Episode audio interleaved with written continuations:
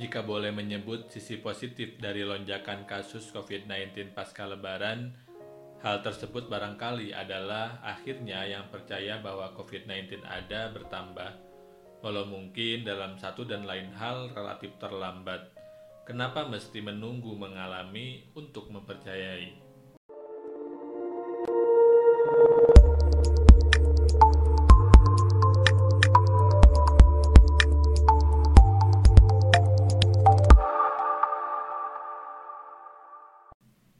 Assalamualaikum warahmatullahi wabarakatuh. Sebagai orang yang tinggal di desa, saya lazim menemukan orang yang tidak percaya COVID-19. Sebagian karena terpapar hoax dan teori konspirasi, sebagian lagi semata karena tidak mengalami. Ketika rumah sakit di Jakarta penuh sesak oleh pasien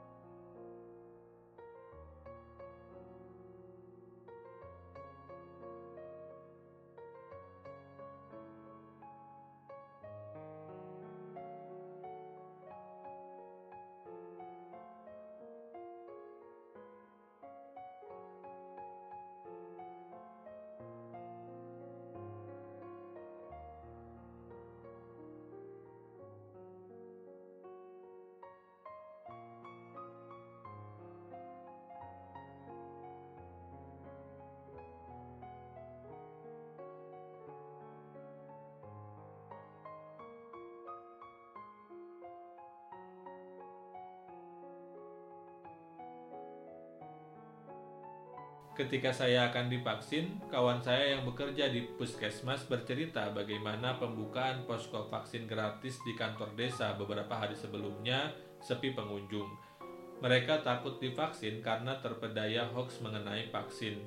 Tetapi pada hari itu jumlah yang datang ke puskesmas membeludak hingga sebagian orang tidak kebagian mempercayai setelah mengalami atau melihat langsung orang yang mengalami di sekitar kita ternyata bisa jadi terlambat.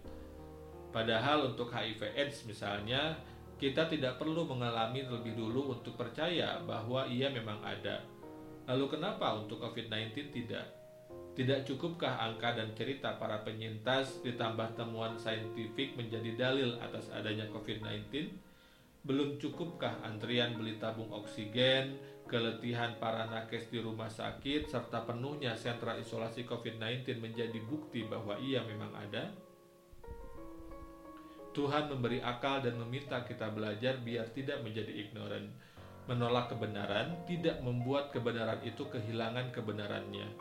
Menerima kebenaran justru membantu kita meletakkan kebenaran tersebut pada makomnya sebagai rujukan tingkah pola kita bukan sebagai pemantik kepanikan atau ketakutan berlebihan.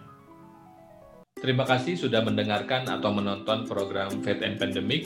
Program ini didukung penuh oleh pemerintah Australia melalui skema hibah alumni Australia atau Australian Alumni Grant yang diadministrasikan oleh Australia Awards di Indonesia. Dengerin juga kajian keislaman lainnya di podcast Ren. Cek playlist kami kalau kamu bingung mau dengerin tema kajian yang mana. Ala kulihal, kamu bisa banget berbagi pengalaman keberagamaanmu selama COVID-19 dengan menuliskannya di kolom komentar. Dukung kami dengan klik suka dan subscribe. Jangan lupa tekan lonceng biar kamu nggak ketinggalan kajian kami lainnya. Terima kasih. Wassalamualaikum warahmatullahi wabarakatuh.